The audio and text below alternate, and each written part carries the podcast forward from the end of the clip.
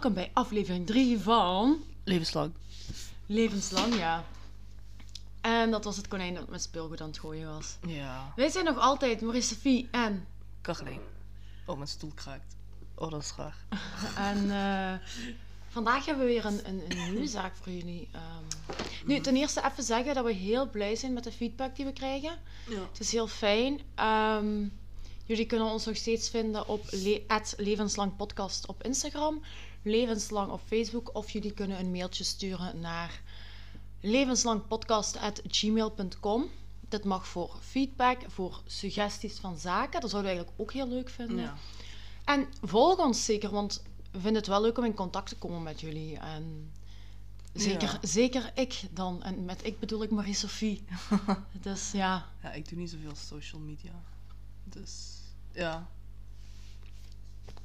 Nee, ik iets meer als u. hè. Nu, Ja.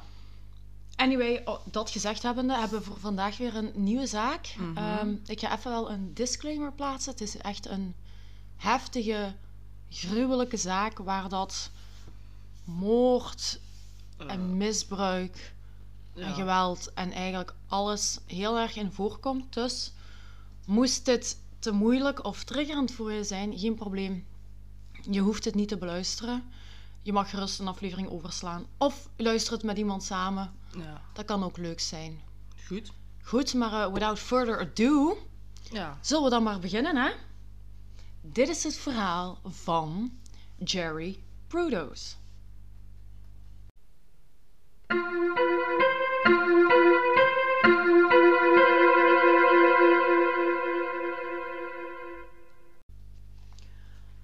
Op 31 januari 1939 wordt de jonge Jerome Henry Brudos geboren in Webster, South Dakota. Bij zijn ouders Henry en Eileen. En Jerome, die ze meestal Jerry noemde, die had ook nog een oudere broer genaamd Larry. Nu, het begin van, eh, van Jerry zijn leven was al niet zo handig, want hij was ten eerste een ongelukje. Oh. En daarbovenop wouden zijn ouders eigenlijk ook veel liever een dochter hebben, en vooral zijn mama. Dat is jammer. Dat is heel jammer. En de mama, Eileen, die liet hem daar ook wel constant aan herinneren, door hem als kind eigenlijk emotioneel te mishandelen. Zo maakte ze hem heel vaak belachelijk voor zijn gedrag. Nu, kleine kanttekening, blijkbaar vertoonde hij ook wel heel raar gedrag, dus af en toe was het wel op zijn plaats, maar ze deed het echt. Eileen deed het met alles. En wat daar bovenop, bovenop ook nog eens kwam, is dat Eileen extreem veel walging had voor alles wat met seks te maken had. Dus alles, dat werd geband, dat mocht er niet zijn, dat was not done. Nu, wanneer Jerry ongeveer vijf jaar is, verhuizen ze van Webster, South Dakota naar Portland in Oregon. En op dit moment was de familie ook financieel stabiel en ging eigenlijk alles goed. Nu, Jerry, dat was echt een loner. En hij speelde vaak op zijn eigen. En toen hij vijf jaar was, was hij op een eh, autokerkhof aan het spelen. Vraag me niet hoe die daar Mm, ja, nee. Dat is geraakt waar, is. ja. Maar op de autokerkhof vindt hij een paar pieptoe-hakken. En pieptoes, dat zijn die schoenen die van vooraan de teen open zijn. Amy Winehouse droeg dat heel vaak. Ik heb dat ook, ik vind dat ook leuk. Ah, ja. ja. Ah, dat zijn er zo die, van, die een open teen hebben van voor. Maar zo'n klein beetje, man. Zo'n klein beetje, ja. Dus zo'n beetje een pieptoe. En die vond hij en daar begon hij mee te spelen. En hij vond dat extreem fascinerend, die vrouwenschoenen. Uiteindelijk deed hij de schoenen aan. Ik weet niet met zijn kleine voetjes hoe, maar hij wandelde ermee naar huis.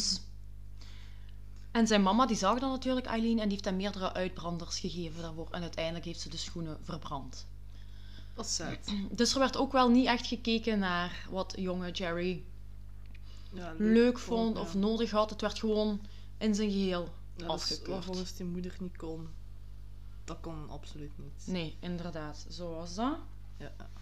Nu, een kleine anderhalf jaar later verhuist de familie weer en nu naar Riverton in California. En Jerry die gaat hier naar het eerste leerjaar toe.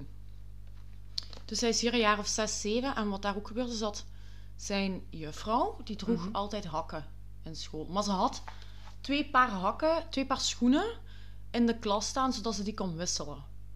Ik weet niet waarom Graag. dat iemand Mhm. schoenen meeneemt, maar Het kan. het kan, het kan. Jerry, nog altijd zeer gefascineerd al natuurlijk sinds zijn vijfde door schoenen, vrouwenschoenen, probeerde hij het tweede paar van haar te verstoppen, zodat hij daar ja, Mee kon mee spelen. kon nemen en mee kon spelen. Maar een klasgenootje die betrapte hem erop, waardoor hij het eh, aan de lerares bekende. En zij heeft hem ook helemaal gegeneerd voor het, de ganse klas, voor het hele lokaal. Dus hij echt. nogmaals eigenlijk belachelijk Ja. gemaakt weer voor zijn interesse in Vrouwenschoenen. vrouwenschoenen. Hm. Wat op die leeftijd inderdaad, Ja, dat verwacht je niet, maar op zich is hier nog niet veel mis mee. Oké, hij Mm, probeert dat wel te pakken en mee te nemen, maar Ik denk omdat ze daar zo heel beschamend over gaan doen, dat het dat alleen maar erger maakt. ja, dat hij nog veel meer zoiets zou hebben van... Ik moet dat verborgen Ja. houden. Ik mag dat niet, ik wil dat wel, dus ik moet dat verborgen houden. Nu, het eerste leerjaar komt hem door, maar het tweede leerjaar slaagt hem niet. Omdat hij eigenlijk heel veel ziek werd. Hij had last van de mazelen, gezwollen klieren. Hij heeft meerdere operaties moeten hebben door schimmelinfecties. Dus hij was constant afwezig en lag in het ziekenhuis vanwege ziekte. En vandaar dat hij ook niet geslaagd is voor zijn tweede leerjaar.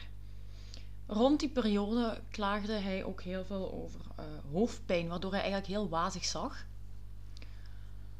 En de verzorgers rondom hem, die had zoiets van, ja, een bril, hè, dan zal dat opgelost zijn. Hè. Die heeft hoofdpijn omdat zijn, zijn, Ogen slecht zijn zijn. ogen slecht zijn. Nu, dat hielp helemaal niks, die bril. Dat was geen verschil.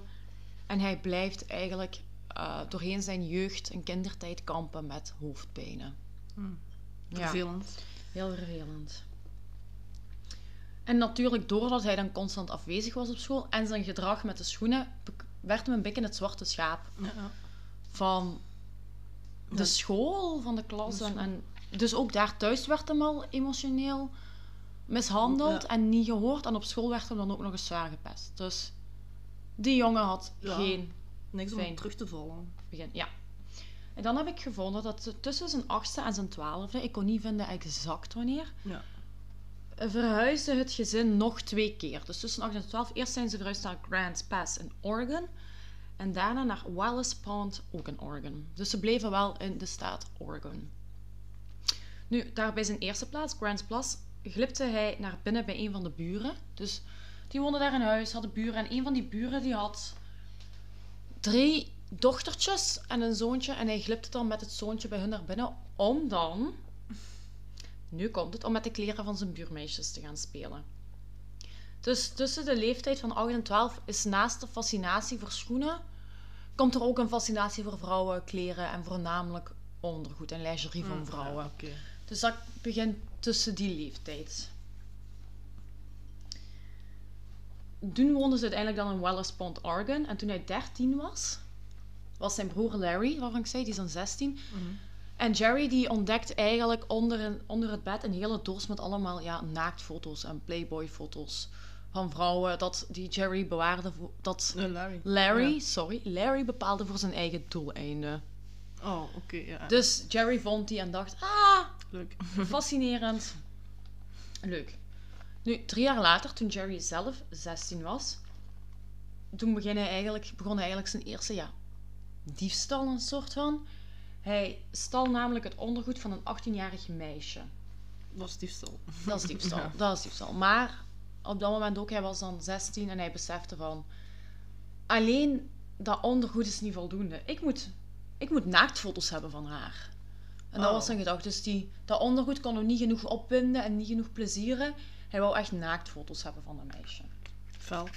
En hij ging ook wel proberen om eraan te geraken. Nu, hoe ging hij dat doen? Hij verzon een plan om haar bij zijn thuis te lokken. En wat hij zei was eigenlijk, hij vroeg haar om naar zijn huis te komen. Omdat hij zei, ik weet waar uw gestolen ondergoed is. Kom maar naar mijn huis, ik, ik weet waar dat is. Ja, Dat is verdacht. heel verdacht.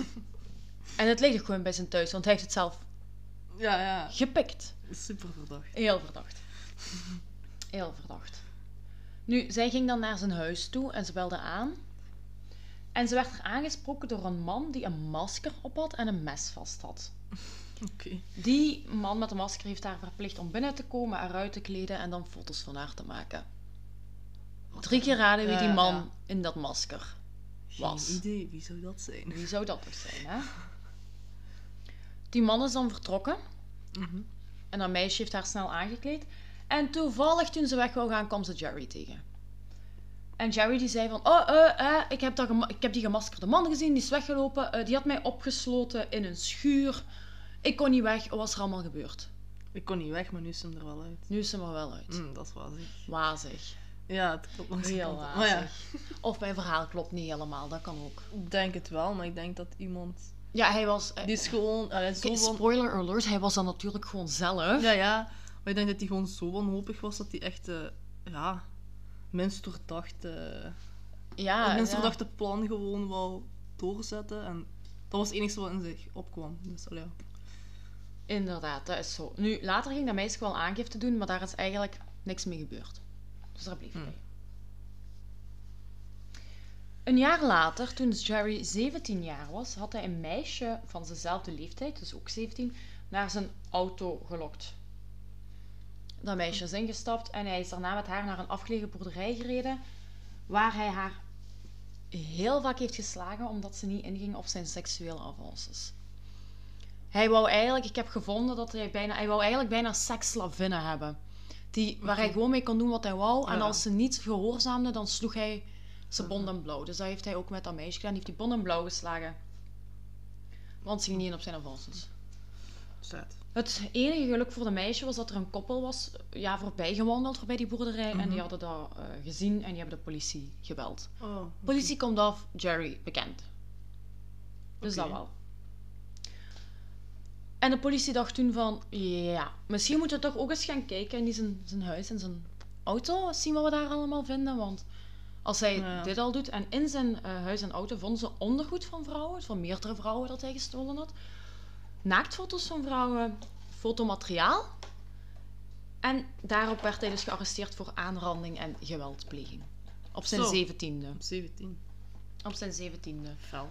Ja, dus daar begonnen de echte problemen al. Hè. Eigenlijk Ja. vanaf de jaar 16, 17 was dat wel vrij, uit, allee, Ja. vrij uitgebreid arsenaal aan wat. Escalated quickly. Het escalated quickly. Insert meme. Nu, in plaats van hem eh, op te sluiten of zo, stuurde ze hem eigenlijk naar, een, naar het eh, Oregon State Hospital. Voor onderzoek en behandeling.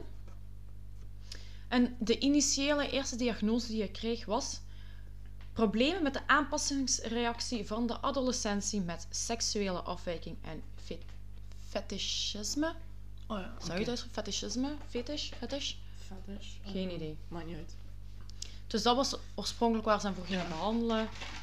Nu, tijdens zijn behandeling mocht hij overdag wel nog naar het middelbaar gaan. En dat deed hij bij de North Salem High School in Dallas, Oregon. Oké. Ja. Ondertussen nog altijd in behandeling. En dan krijgt hem een diagnose waar ik persoonlijk heel veel problemen mee heb. Mhm. En dat is namelijk borderline schizofreen. Nu even, misschien tussendoor. Ik ben zelf iemand met een psychische kwetsbaarheid. Ik heb zelf borderline. Spoiler, haha, heel, eh, eigenlijk niet bijzonder. Maar dat zijn wel dingen waar ik mij als persoon verschrikkelijk aan kan ergeren. Ja. Dus eigenlijk, wat, ze be- wat borderline schizofreen is, eigenlijk bestaat dat zelfs niet. Je bent of borderline Of schizofreen. of schizofreen. En wat ik heb gevonden is dat de diagnose borderline schizofreen eerder verwijst naar meerdere symptomen die samenhangen, dan dat dat echt een, een, een, een illness, ja, een, Ja. een ziekte, vind ik een zwaar Ja. woord, maar dat vormt. Oeps, ja, mentale aandoening. Dus waar het eigenlijk op neerkwam, was dat hij onder meerdere criteria viel van verschillende diagnoses, maar niet echt in één vakje op zich. Ja. Waardoor dat leek alsof hij eigenlijk meerdere diagnoses had. Mhm. Maar dat was dus niet zo. Dus hij was niet borderline schizofreen, dat had hij niet. In realiteit waren het gewoon zijn symptomen die heel erg fluctueerden.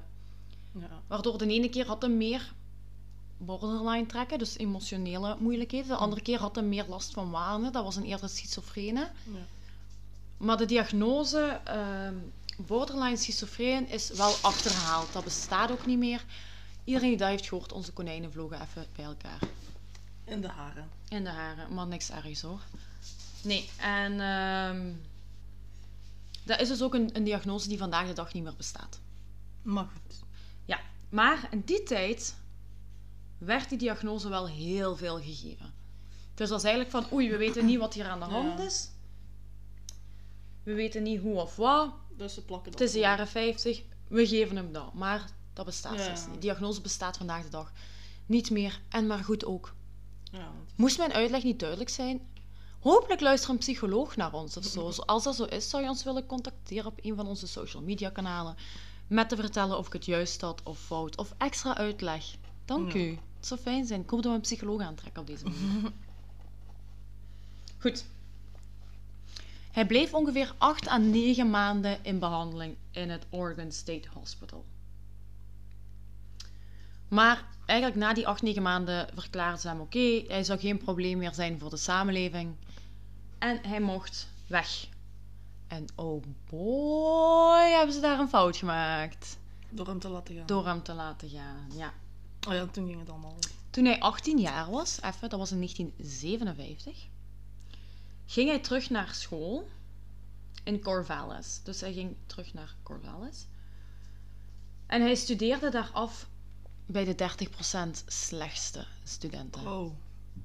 Dus ook op school presteerde hem niet. Oh. Hij was meer bezig met zijn fetishes Ja, dan dat hij. dan dat hij bezig was met school. Hij was gewoon compleet Ja, de weg kwijt daarin. Hij, ik kon ja. niet meer plaatsen wat dat... kon niet echt functioneren. Nee, hij kon absoluut niet functioneren. Tussen zijn 18 en 20 jaar gaat hij, probeert hij verder te studeren bij de Oregon State University en de Salem Technical Vocational School. Bij beide, dat duurde niet lang en Jerry die dacht, "Pff, studeren, niks voor mij. En hij stopte ermee. Maar op zijn twintigste ging hij dan wel het leger in. Hmm. Maar ook hier kreeg hij al snel last van aparte dromen, als ik het zo mag zeggen. Mhm. Hij had namelijk een droom die vaker terugkwam over een Koreaans meisje dat hem zou proberen te verleiden. Ja, dat kan. Wat deed Jerry? Hij hield dat niet voor zichzelf. Hij ging dat delen met zijn mede legerkameraden, met zijn comrades. Ja. Dat doet je anders. En die hadden zoiets van, ja, tripje naar de psychiater. Dus hij mocht naar de psychiater van het leger. Mhm. En hij werd daar ontslagen vanwege zijn vreemde obsessies tussen haakjes. Door zijn vreemde obsessies is hij weggestuurd. En dat was op 15 oktober 1959. Hmm. Zelfs nog ver voor de geboorte van mijn moeder. Eh, trouwens. Ja, Ja. sowieso. Sowieso. ja. Nadat hij dus ontslagen was, ging hij terug naar Corvallis, waar dat zijn ouders, Henry en Eileen, woonden. Ja. Maar hij mocht niet in het huis wonen van zijn ouders. Hij moest van achter in het schuurke gaan wonen. Dus ook daar werd hem weer heel erg benadeeld. Ja. En bene- Terwijl, ook even in het alles, niet echt aangehaald, maar zijn grote broer was wel echt het oogappelke van het gezin. Ja. Die wou ze, maar Jerry, dat had een meisje moeten zijn. Überhaupt dan een ongelukje. Ja. Daar gebeurt niks. Op zijn 21ste, dus nog een jaar later, volgde hij een meisje naar huis nadat hij boodschappen had gedaan. Ja, zij had Mhm. boodschappen gedaan als is een meisje. Hij is haar gevolgd en hij heeft haar daarna aangevallen en heeft haar gewurgd tot ze bewusteloos was en daarna heeft hij haar schoenen gestolen. Ja. En daarna, diezelfde nacht, sliep hij met de schoenen bij zich in bed, omdat hij zichzelf daardoor machtiger voelde. Oh. Ja, Ja, dat is wel raar, maar...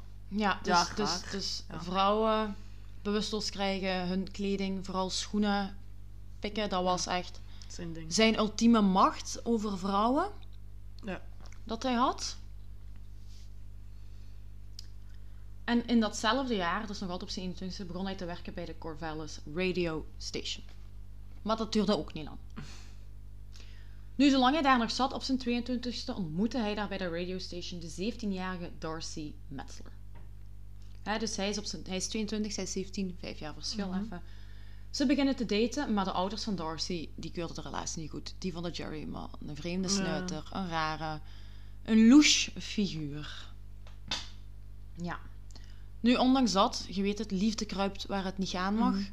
trouwen de twee al een paar maanden na hun Oh. ontmoeting. Zo, Ja. snel. Inderdaad. In 1962 wordt dan een eerste dochter, Megan, geboren. En het is ook tijdens die periode dat het kleine gezinnetje eigenlijk de hele West Coast op en af verhuist, omdat Jerry dus geen enkele job kon behouden. Dus Ja. hij ging maar van hier naar daar, zus zo. Uiteindelijk settelt het gezinnetje zich dan terug in Portland. Dus waar hij ook al eerder had gewoond Ja. met zijn ouders, dus hij woont terug in Portland, Oregon. En hier begint hij te werken als elektricien in 1967. Dus die hebben ongeveer vijf jaar lang rondgereisd, Ja. omdat hij geen job kon behouden. En dan uiteindelijk in 67 settelen ze.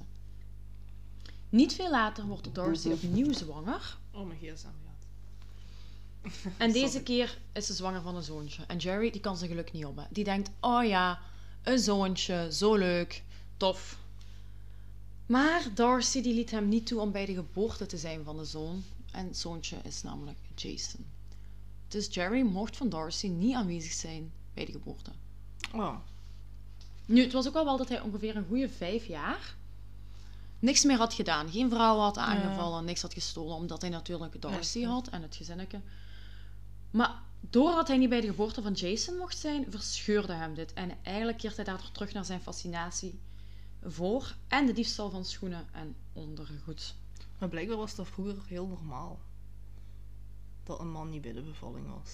Ja, dat is ook waar. Dus- Maar ja, is waar. iedereen reageert er anders op. Nee. Maar ja.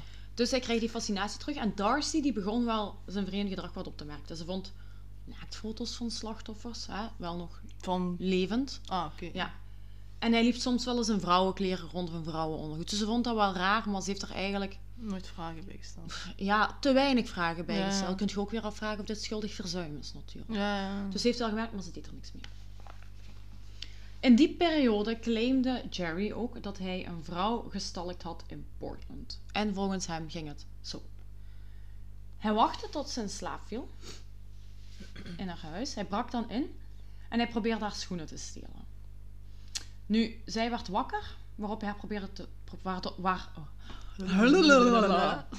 waarop hij haar wurgde tot ze bewusteloos was. Toen, nu gaat hij weer een stap verder, toen verkrachtte hij haar. Hij stal haar schoenen en hij vluchtte. Terwijl ze bewusteloos was. Dus ze was nog levend, Maar ze maar ja, wist niks. die vrouw had dus voor de rest van haar leven een gigantisch Ja, ja. trauma. ja. Gewoon door Ja. iemand die gewoon even... Ja, Zijn lusten ja wilt botvieren, niet kan bedwingen. wilt botvieren op iets en, en dat klopt niet, hè. Nee. Ehm, hij is er wel mee weggekomen, maar in datzelfde jaar, dus in 67, wordt Jerry wel geëlectrocuteerd op zijn werk. Hè, want hij, was, hij werkte als elektricien. Ah ja, hij wordt juist, geëlectrocuteerd. Hij werd geëlectrocuteerd door 480 volt, maar dat hem alleen maar wat wazig eh, gelaten en minieme schade had hem eigenlijk maar. Heeft hij het nog geluk? Nu verder. We gaan een jaar later naar 26 januari 1968.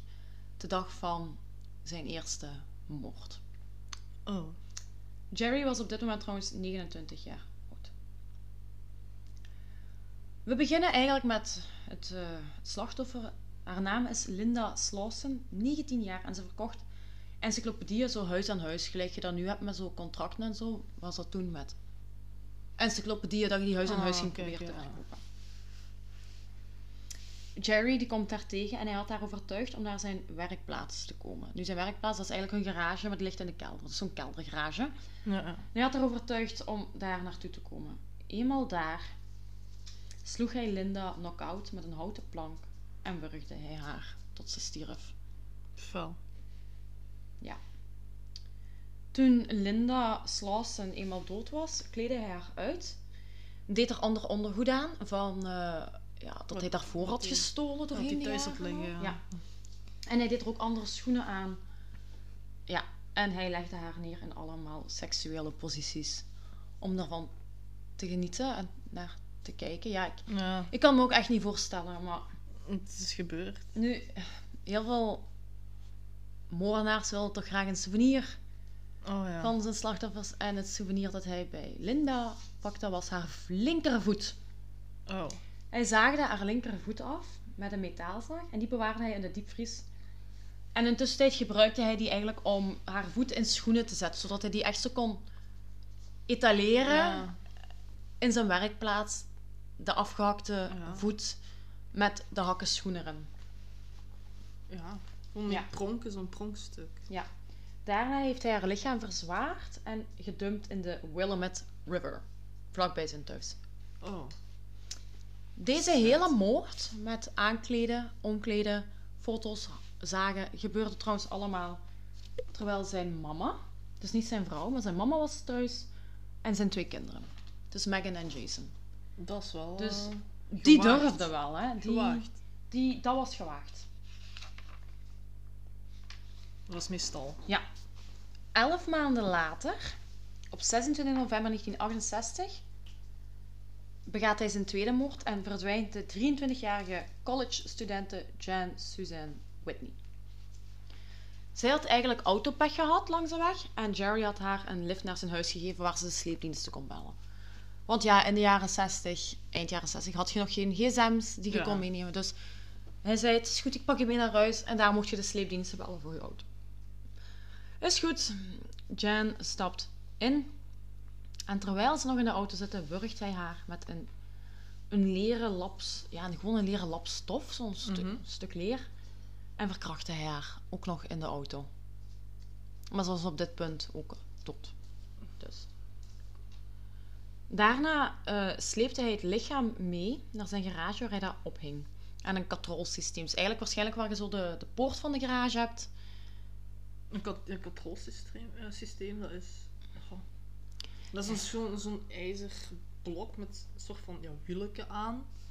En daar leg je gewoon een touw rond en dan kun je gewoon... En dan kun je dat zo omhoog, omhoog trekken. Dus ik, ja. ik denk, waarschijnlijk had dat dan te maken met de, de garagepoort of zo, dat die open ging of Ja, zo. dat is ook met zo'n systeem. Ja, ik weet niet hoe een poort van toen Goed. eruit zag. Maar ja. Alleszins, hij hing haar daaraan op. Voor enkele dagen. En tijdens die periode kleedde hij haar vaak om. Dus ook weer allemaal Ja. verschillende lingerie schoenen. Hij fotografeerde haar ook, deze keer. En hij had seks met dode lichaam. AKA necrofilie. Ja. Dat is weer een stap verder. Deze keer wou hij een, eh, een ander souvenir en hij heeft een van haar borsten geamputeerd. En hij had er een mal van gemaakt die hij wou gebruiken als zo een prespapier. Ik weet niet of dat dit zo uitspreekt, maar zo, als je een stapel papieren hebt die je plat wil drukken, dan kun je daar een zwaar gewicht Ja. op leggen. En in die tijd was hij heel vaak van ijzer en zo. En hij had dus eigenlijk een mal gemaakt van haar borst. Ik heb er ook foto's van gezien. Dat is dus effectief een perfect gevormde borst met een tepelhof en een tepel op. En Ja, dat gebruikte hij om papier fijn te... fijn te maken. Allee, plat te drukken. Nadat hij dat had gedaan, bond hij Jan vast aan een deel van een spoorweg. Zo'n spoorwegrail had hij. Hij bond daar aan vast, maar het verzwaren. En hij gooide haar ook weer in de Willamette River samen met de ondertussen verrotte voet van Linda Slauson. Oh. Dus die was gerot eh, weg. Ja. ja. Ja. Hij gaat hier in sneltempo trouwens. hè. Er zijn al twee moorden gebeurd op een jaar tijd. En vier maanden later, 27 of 28 maart 1969, dat is niet zeker, wanneer hij 30 is, begaat hij zijn derde moord al. Hij ontvoert de 19-jarige studente Karen Sprinker. En ze raakt dus vermist. En twee jonge meisjes vertelden aan de politie dat ze eigenlijk die dag Mhm. van haar vermissing een grote man hadden gezien, gekleed als vrouw. Op het, op het dakgarage waar dat eh, Karen haar auto was gevonden. Of dat ze was verdwenen. Oké. En ehm, dus de politie ging eigenlijk op zoek naar man in vrouwenkleren. Hij was groot, hij was wat blond rossig. Blijkbaar. eh, het was een heel vreemde Ja, situatie. Zoiets valt Maar goed, het was wel de enige clue die ze hadden. Nu, Jerry die had eigenlijk voor Karen had hij geprobeerd om iemand anders te ontvoeren, maar dat was niet gelukt. Oh, ook nog. Dus ontvoerde hij maar Karen, maar de reden dat hij Karen eerst niet wou ontvoeren was omdat hij haar schoenen niet mooi vond. Oh. Maar goed, het lukte niet bij zijn oorspronkelijke Ja, doelwit, dus ging hij naar daar. Hij had Karen dus effectief ontvoerd. En hij had haar meegenomen naar zijn kelde garage. Dwong haar daarna om zijn ondergoedcollectie van vrouwen te passen. En te poseren terwijl hij foto's van haar nam. Daarna verkrachtte hij haar en wurgde hij haar door haar nek op te hangen aan datzelfde katrolsysteem. Dus hij Oh. heeft haar opgehangen. Ja. Verkracht en opgehangen. Na de dood van Karen had hij weer meerdere keren seks met het lichaam. En sneed hij beide borsten af om er plastieke mallen van te maken deze keer. Hm. Ook toen dit weer allemaal voorbij was, dumpte hij haar weer in dezelfde rivier, de Willamette River. En dan gaat het snel. We gaan van 27, 28 maart naar 21 april 69, dus minder dan een maand later. Mhm. Probeert hij de 24-jarige Sharon Wood te ontvoeren, maar ze verzet zich hevig en ze bijt in zijn duim tot hij bloedt. Waarop Jerry ongelooflijk boos wordt en hij slaat haar bewusteloos, maar toen hij verder wou gaan met zijn praktijken, werd hij eigenlijk gestoord door een eh, voorbijrijdende auto, dus hij is gevlucht. Die Sharon Wood, die deed aangifte. Ja, en ze kwamen daar ook meteen naar de plaats toe, dus waar zij nog lag. Maar de politie zag niet meteen een link met andere verdwijningen. En dat was eigenlijk voornamelijk omdat in die periode in Portland, Oregon, heel weinig ontvoeringen en, en seriemoorders waren. Het was een periode waarin heel veel seriemoordenaars doorheen de Verenigde Staten actief was. Denk ook maar aan Ted Bundy en, Maar. Jeffrey Dahmer en toestanden. Maar daar op die plaats was er eigenlijk nog niet, voorgevallen. ja. Dus die wisten dat nog niet. Eh, nog geen link gelegd. Een dag na de aanval op Sharon Wood, dus 22 april 69, probeert hij de 14-jarige Leanne Brumley te ontvoeren. Dus hij gaat er even snel op. Hè? Dus Ja. twee dagen tijd wil, probeert hij twee ontvoeringen uit te voeren, maar die zijn allebei mislukt, want ook de 14-jarige kon ontsnappen. Nog een dag later, op 23 of 24 april, niet zeker 69, wanneer hij 30 is, wordt de 22-jarige Linda Dawn Sally als vermist opgegeven. Drie keer raden wie daar is tussengekomen. Nou, het kon eh, Jerry wel zijn. Dat denk ik ook. De auto van Linda, Sally, wordt teruggevonden in een parkeergarage. En hier is het punt waarop de politie wel begint te vermoeden van. Uh-oh, we zitten hier met een serie ontvoerder, want er zijn op dat punt nog geen Geen lichamen. Dat Dus is- wel, het is hier het werk van een serie ontvoerder, een serie verkrachter, Ja. iets. En ze beginnen ook wel open te houden. Nu, wat heeft eh, Jerry gedaan om Linda Sally te lokken? Hij lokt haar naar zijn garage door zich als politievoer te doen. Ja, dus zij kwam ook mee Ja. naar zijn werkplaats, tussen haakjes.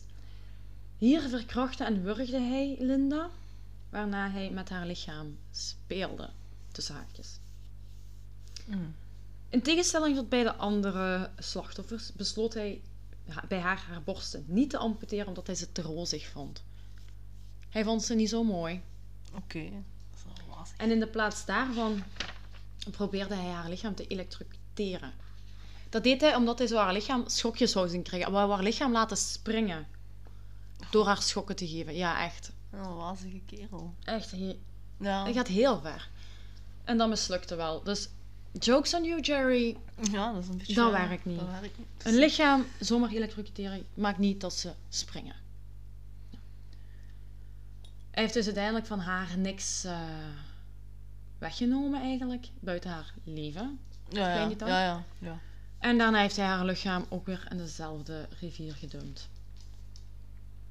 Wat ook daarna zou uitkomen, is dat hij blijkbaar tijdens de moorden, of na de moorden, na elke moord, zou hij hakken van vrouwen aandoen en masturberen. Zijn voeten aandoen. Gewoon. Hij heeft dus die hakken aan en hij masturbeert ondertussen. En dat deed hij na elke moord. Hmm. Ja, Ja, dat is... ik weet het. Ja, heel wazig. Dat is heel wazig. Nu, er komt wel een kantelpunt. Hè. Weet je, hij heeft nu vier moorden. Hij is wel officieel een serial Ja. killer.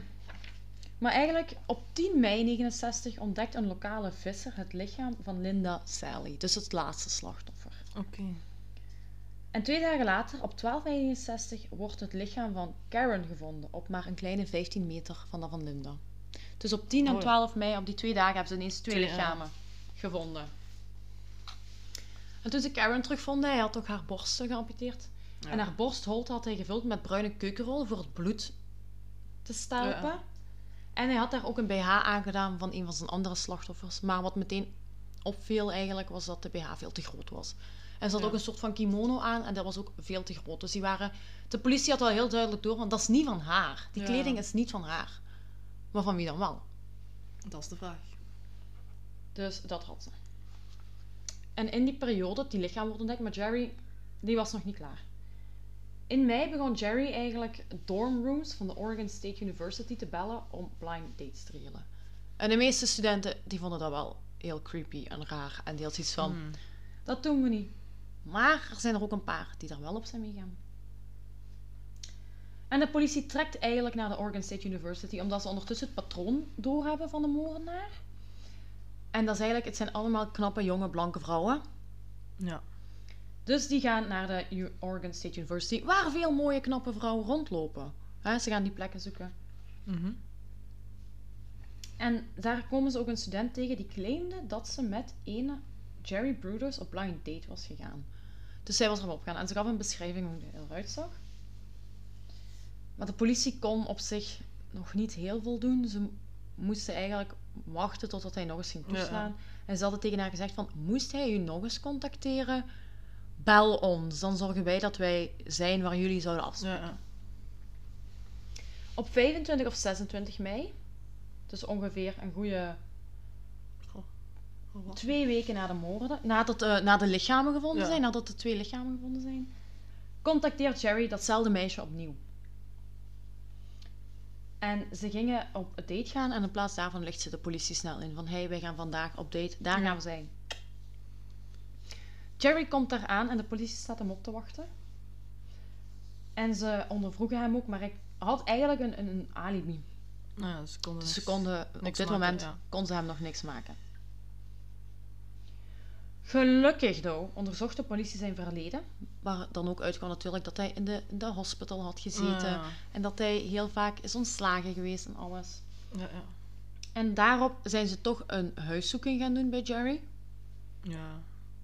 Ah ja, want trouwens DNA en zo, dat was in de jaren Ja, dat 60, was dat was er nog niet nee, echt. Hè? Dus dat was niet dat ze even een swapken in zijn wang Ja, deden. Dat is pas vanaf de jaren 90 of zo. Dat dat was. Ik weet eigenlijk, ja. Ik denk, denk het wel dat dat, dat dat zo in zijn kinderschoenen stond. Ja, ja, toen begon dat. Ja, maar in de jaren, eind Nee, jaren nee, nee. 60, dat was er echt nog niet. Helemaal niet.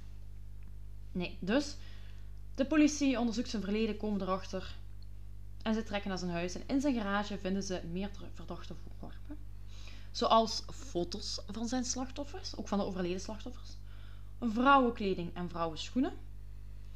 En daaronder ook een foto waarop hij per ongeluk zelf op stond, van onder in de hoek. Hij had een foto willen maken van een lichaam. Mhm. Door, vanuit een spiegel, denk ik dat het was. Dat was heel raar. Maar hij stond uiteindelijk zelf van onder op die foto per ongeluk. Hij had er niet op gelet. Zijn, Zijn weerspiegeling, zijn gezicht, was, stond op die foto heel klein van onder. Oh, dat is wazig. Dus dat was al gelijk. En de politie zeiden, ah, nu hebben we genoeg en we gaan Ja. een zaak opbouwen.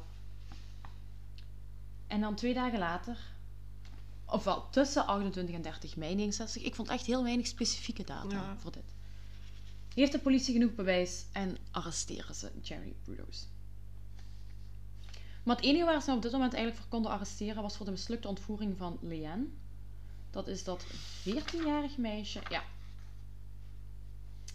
En terwijl ze hem proberen aan te klagen, probeert hij eigenlijk nog te ontsnappen van de politie, maar dat mislukt en de verhoren beginnen. Op 1 juni, dus hij is er dan één of twee dagen, Mhm. belt hij zijn vrouw en zegt hij van, alsjeblieft, verbrand al het bewijs, doe het weg. Ze mogen Ja. het niet vinden. En die vrouw, waarvan je dan toch in eerste instantie uitging dat ze er eigenlijk niet echt iets van wist, Ja, ja.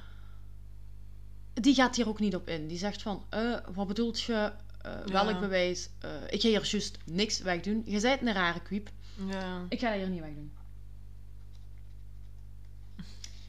Inspecteur Jim Stovall die krijgt uiteindelijk Jerry aan bekennen na een lange tijd over de ontvoering. Op die Leanne en dan ook daarvoor op Sharon Wood. Dus die mislukte ontvoering ja, voor zijn laatste ja. En buiten dat hij dat ont- eh, bekent, bekent hij ook de twee moorden van de lichamen die gevonden zijn. Dus Linda Sally en Karen Sprinker. Mhm. En als dat nog niet genoeg is, bekent hij daarna ook nog de moorden op Linda Slauson en Jan Whitney. Waarvan de lichamen niet, nog niet gevonden zijn. Dus in één keer geeft hem de vier, Ja, ja. De vier moorden toe en de twee ontvoeringen. Niet veel later, een paar dagen later, op 4 juni, wordt Jerry aangeklaagd voor de moord op Karen Sprinker. Voorlopig is dat de enigste moord waarvoor hij berecht wordt. Ik weet niet waarom dat is, maar hij wordt daarvoor berecht. Maar hij pleit ontoerekeningsvatbaar te zijn. Hij zegt, joh, ik ga hier echt niet naar de gevangenis. Ik ben ontoerekeningsvatbaar. Ja, ja. En die dacht daar, oké. Dus op de dag dat hij wordt aangeklaagd, 4 juni, wordt hij nog onderzocht door meerdere psychiaters. Die zeggen, ja maar ho, hij is wel perfect toerekeningsvatbaar. Mhm. Je weet goed genoeg wat hij doet. En de psychiaters omschrijven hen als iemand met een antisociale persoonlijkheid dat gevormd is door fetishes, travestie, exhibitionisme, voyeurisme en vooral sadisme. En toen dat het hem dan toch niet lukte om ontrekeningsvatbaar te pleiten, zei hij van oké, ja, dan ben ik schuldig. Hij pleitte eigenlijk daarna schuldig Ja. van. Oké, ja, tjuk, ik heb het geprobeerd. Maar Niet gelukt. Ja. Ik pleit schuldig dan maar. Een kleine maand later, op 27 juni 1969, wordt Jerry aangeklaagd en veroordeeld voor drie moorden. Namelijk Jan Whitney, van wie ze het lichaam dan ook wel hebben gevonden uiteindelijk, Ja. maar daar vond ik zo niks over. Linda Sally en Karen Sprinker. Hij pleitte dus schuldig te zijn, maar hij had nul schuldbesef, geen schuldgevoelens. Mhm. Dat bestond allemaal niet bij hem, dat was er niet. Dat is gewoon normaal voor hem. Ja, hij, hij voelde zich er echt... Hij, het werd ook beschreven alsof dat hij vrouwen vooral echt zag als zijn eigendom, als een Ja. object waar hij gebruik van kon maken wanneer hij dat wou. Mhm. En hij, hij had daar ook totaal geen schuld over. Nee. Nu, de reden dat hij niet werd aangeklaagd voor de moord op Linda Slauson was omdat ze haar lichaam nooit hebben gevonden. Dat is al... Ja. Ja. Even tussendoor. Ik heb ook wel alleen gevonden dat ze Linda Sally en Karen Sprinker vonden. Over het lichaam van Jan Whitney heb ik ook niks gevonden, maar die zullen ze dan wel toch ergens in die periode ook nog gevonden hebben. Want Achteraf alleen het lichaam van Linda Slauson is nooit gevonden. Het was zijn eerste Ja. slachtoffer. Als je het in het water gooit. Ja. Dat is... Ze veroordelen hem tot drie keer levenslang. En eigenlijk puur en alleen omdat er geen doodstraf bestond in Oregon. Of ja, die werd niet uitgevoerd Ah, oké. in de jaren, eind jaren 60. Hij werd uiteindelijk dan dus inderdaad niet veroordeeld voor de vierde moord op Linda Slauson, omdat haar lichaam nooit is gevonden. En ondertussen, ze doen nog wat verder onderzoek natuurlijk naar hem. Hè. Hij is ondertussen wel aangeklaagd in juni. En op 17 juli, dus ongeveer een half maand later, hadden ze ongeveer 12 vermissingen aan hem gelinkt. Waarvan er dan ook eindelijk een buur naar buiten kwam van Jerry en Darcy. Mhm. Die claimde dat Darcy met zeker één moord had geholpen. Die buur die claimde dat hij of zij had gezien dat Darcy een van de lichamen mee in de garage had gesleept. Dus hier krijgt Darcy dan uiteindelijk toch nog een iets grotere rol van, ja maar, Ja. die zou daar blijkbaar wel vanaf hebben geweten. Weer eh, ongeveer een half maand, 20 dagen later eigenlijk, op 7 augustus, wordt Darcy aangeklaagd voor haar aandeel bij de moord op Karen. Want het zou dan ook om het lichaam van Karen zijn gegaan. Oké. Nu, Darcy die pleit dat ze daar helemaal niks mee te, mee te maken had. En ze wordt uiteindelijk ook onschuldig bevonden door gebrek aan bewijs. Ja, ja. Dus Darcy die loopt daar weg. Die had vrijheid. Ja. Eén jaar later, in augustus 1970, besloot Darcy uiteindelijk te scheiden van Jerry, die op dat moment 31 was. Ze verhuisden, veranderden van naam en ze kreeg het zover dat de kinderen hem ook niet meer mochten zien of schrijven Mhm. vanuit de gevangenis. Dus dat was volledig af. Zij had ehm, Ja, eh, contact. Allemaal, contact allemaal. Wat ik al straf vind, dat ze dat pas een jaar later heeft gedaan. En niet direct. Nadat ze dus eigenlijk al een- meer dan een jaar wist Dat hij, dat al, hij ja, al die allemaal- moorden op zich weet had. Waar je dan anderzijds ook weer kunt denken, wist ze er wel vanaf? Want het lijkt me heel straf dat, In je eigen garage. dat in je thuis. eigen garage thuis, Dat je daar niet komt en dat allemaal niet ziet. dat je niks merkt aan dat gedrag. En ook het feit dat hij wel zijn vrouwenkleren rondliep en zo. Ik zeg niet, Ja, travestie dat- is geen link voor moord. Dat absoluut nee, niet. nee. Love RuPaul's Drag Race. Ja. Love it. Maar ja.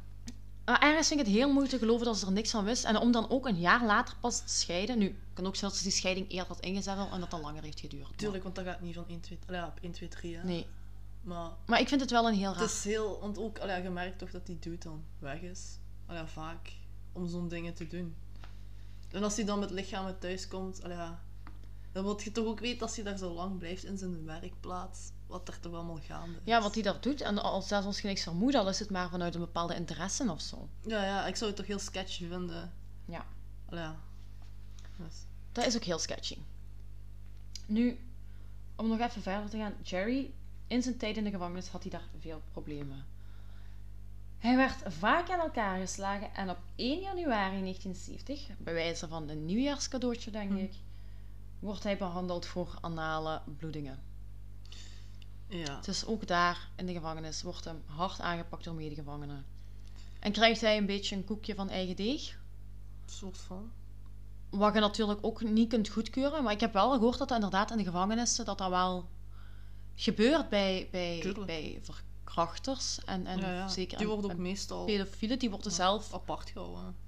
Ja, De inderdaad. gevangenis. Ja, in de jaren 70 zal dat nog niet het geval zijn geweest, Eh, nee, nee, dat denk ik denk ik. niet. Maar oké, ook toen al Ja, ja. was er toch, zelfs onder gevangenen, was er nog een grens van Ja, ja. wat je wel en niet deed. En, vrouwen komen en ze verkrachten. En kinderen en zo, ja. Ja. Nu, aan kinderen heeft hem... Ja, heeft die heeft nog niet- 14-jarige proberen te... Ja, ja, ja. Dus dan toch wel, dan toch, ja...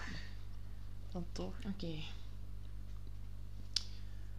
Tijdens zijn, zijn tijd in de gevangenis gaat Jerry meerdere keren in beroep, maar ze worden allemaal afgewezen. Totdat Ja. uiteindelijk ook verklaard wordt aan hem en de nabestaanden van de slachtoffers dat hij gewoon nooit zal vrijkomen. Ze hebben gezegd, Ja. give it up dude, jij komt Ja. nooit meer vrij met uw zieke, Ja. sadistische praktijken. Gedachten, Ja. Jij komt nooit meer vrij. Flash forward naar 2006. Dus we zijn van de jaren 70 naar 2006 gegaan. Op 28 maart 2006 sterft Jerry Brudos uiteindelijk op 67-jarige leeftijd aan de gevolgen van leverkanker. Op dat moment was hij trouwens de langst zittende gevangene in de Oregon Department of Corrections, namelijk 37 jaar, van 1969 tot 2006 heeft hij vastgezeten. Is En hij is daar ook overleden. Hij is dus effectief nooit meer vrijgekomen. vrijgekomen. Beter ook. Ja, beter. Oh ja, het is gewoon een Beter dude. ook. En, en heel jammer dat daarvoor wel vier Ja. slachtoffers zijn gevallen. Ja, je hebt ook nog die andere meisjes. Dus hij kreeg levenslang. Maar zijn slachtoffers en nabestaanden en iedereen Ook. hebben ook allemaal levenslang gekregen. Ook die meisjes natuurlijk. die jij ontvoert. Oh ja, probeerde. Ja, absoluut. Die hebben trauma's voor de rest van hun leven. Die... Daarom. Ja, Die dragen dat ook mee. inderdaad. En ja, dat was een beetje dus de jammere zaak van Jerry Ja. Brudos. Een heel rare, Inderdaad. heel rare Ehm, zaak. Eigenlijk doorheen het hele aflevering ben ik vergeten te zeggen dat hij twee bijnamen had gekregen. Oh, Heel erg dat niet pas wordt. De Shoe Fetish Slayer ah ja. en de Lust Killer. Oké. Dit deel ik dus echt mee op het einde van de Ja, aflevering. voilà. Hebben jullie totaal niks meer aan. Wat? Dan kun je dat nog onthouden, hè. Dat is waar. Zo, dat was de aflevering weer. Ja. Wat vond je ervan? Eh, geflipt. Ja, echt Heel erg geflipt. heel erg flips. Gewoon dat een, een mens ja, zo, ah, zo ver kan gaan. En zo rare gedachten heeft van... ah Ja, ik bedoel, wie komt er in zijn, in zijn kop erbij om een mal te maken uit een borst? Ah ja, daar, daar heb ik nooit aan gedacht zelf, snap je? Dus dat iemand zo ver kan gaan, dat ja, is een beetje geflipt. Nee, inderdaad. in Nu is het ook wel, er wordt wel vermoed dat, dat ik ook echt in het begin van de aflevering moeten zeggen, dat Jerry ehm, dus zo'n haat had naar vrouwen toe omwille van hoe zijn Ja, moeder hem ja, heeft behandeld. Nu, ik denk dat dat ook wel iets is wat vrij makkelijk gelinkt kan worden, dus ik weet niet of dat... Ik deel het nog even mee, maar echt, we Ja. zitten al in onze reservetijd en ik deel nu nog vooral mee.